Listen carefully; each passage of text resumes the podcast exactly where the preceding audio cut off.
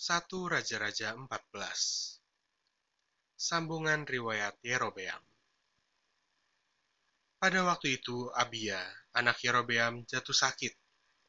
Lalu Yerobeam berkata kepada istrinya, Berkemaslah, menyamarlah, supaya jangan diketahui orang bahwa engkau istri Yerobeam, dan pergilah ke Silo.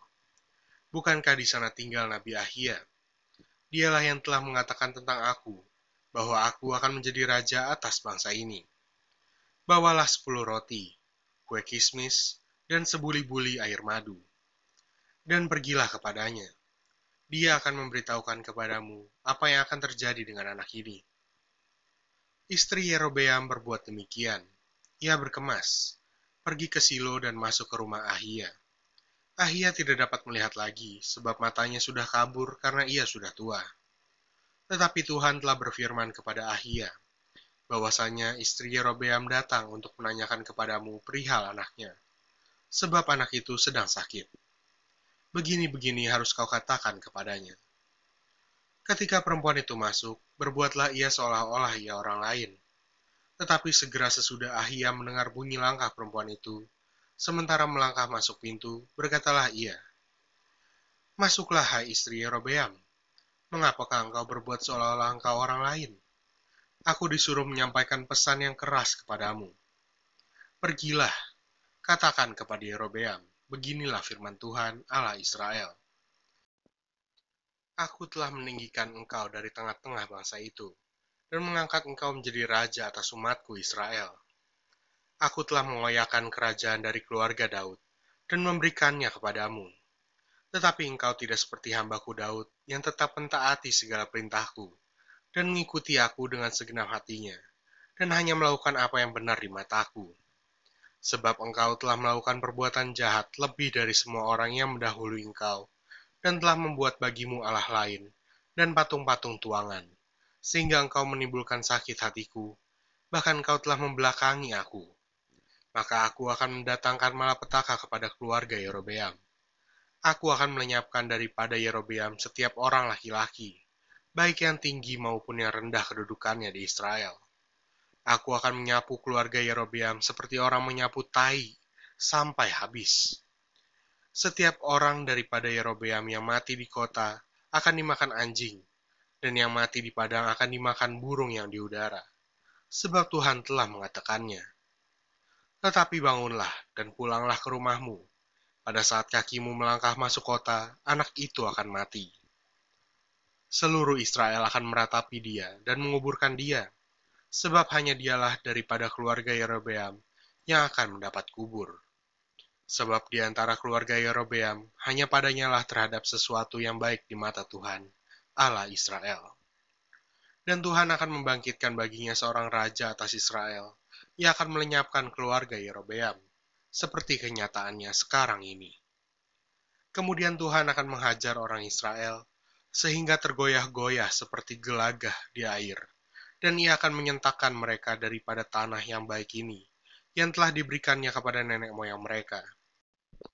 Ia akan menyerahkan mereka ke seberang sungai Efrat sana, oleh karena mereka telah membuat tiang-tiang berhala mereka, dan dengan demikian menyakiti hati Tuhan. Ia akan lepas tangan terhadap orang Israel, oleh karena dosa-dosa yang telah dilakukan Yerobeam, dan yang mengakibatkan orang Israel berdosa pula. Sesudah itu, bangkitlah istri Yerobeam dan pergi. Lalu sampailah ia ke Tirza. Pada saat ia masuk melangkahi ambang pintu rumah, matilah anak itu. Mereka menguburkannya, dan seluruh Israel meratapi dia sesuai dengan firman Tuhan yang diucapkannya dengan perantaran hambanya Nabi Ahia selebihnya dari riwayat Yerobeam, bagaimana ia berperang dan bagaimana ia memerintah. Sesungguhnya semuanya itu tertulis dalam kitab sejarah raja-raja Israel. Lamanya Yerobeam memerintah ada 22 tahun. Kemudian ia mendapat perhentian bersama-sama dengan nenek moyangnya. Maka anaknya menjadi raja menggantikan dia. Sambungan riwayat Rehabeam Adapun Rehabeam, anak Salomo, ia memerintah di Yehuda. Rehabeam berumur 41 tahun pada waktu ia menjadi raja, dan 17 tahun lamanya ia memerintah di Yerusalem, kota yang dipilih Tuhan dari antara segala suku Israel, untuk membuat namanya tinggal di sana. Nama ibunya ialah Naama, seorang perempuan Amon.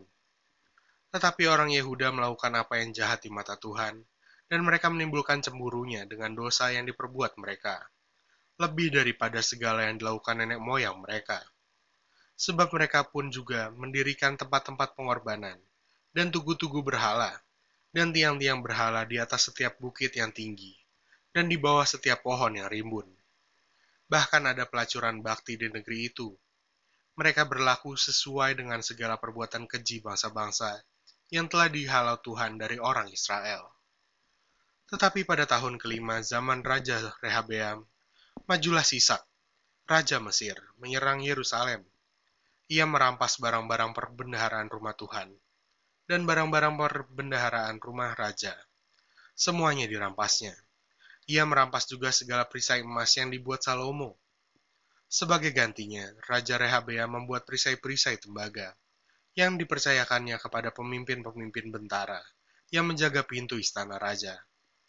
Setiap kali raja masuk ke rumah Tuhan, bentara-bentara membawa masuk perisai-perisai itu, dan mereka pula yang mengembalikannya ke kamar jaga para bentara selebihnya dari riwayat Rehabeam dan segala yang dilakukannya. Bukankah semuanya itu tertulis dalam kitab sejarah raja-raja Yehuda? Dan terus-menerus perang ada antara Rehabeam dan Yerobeam.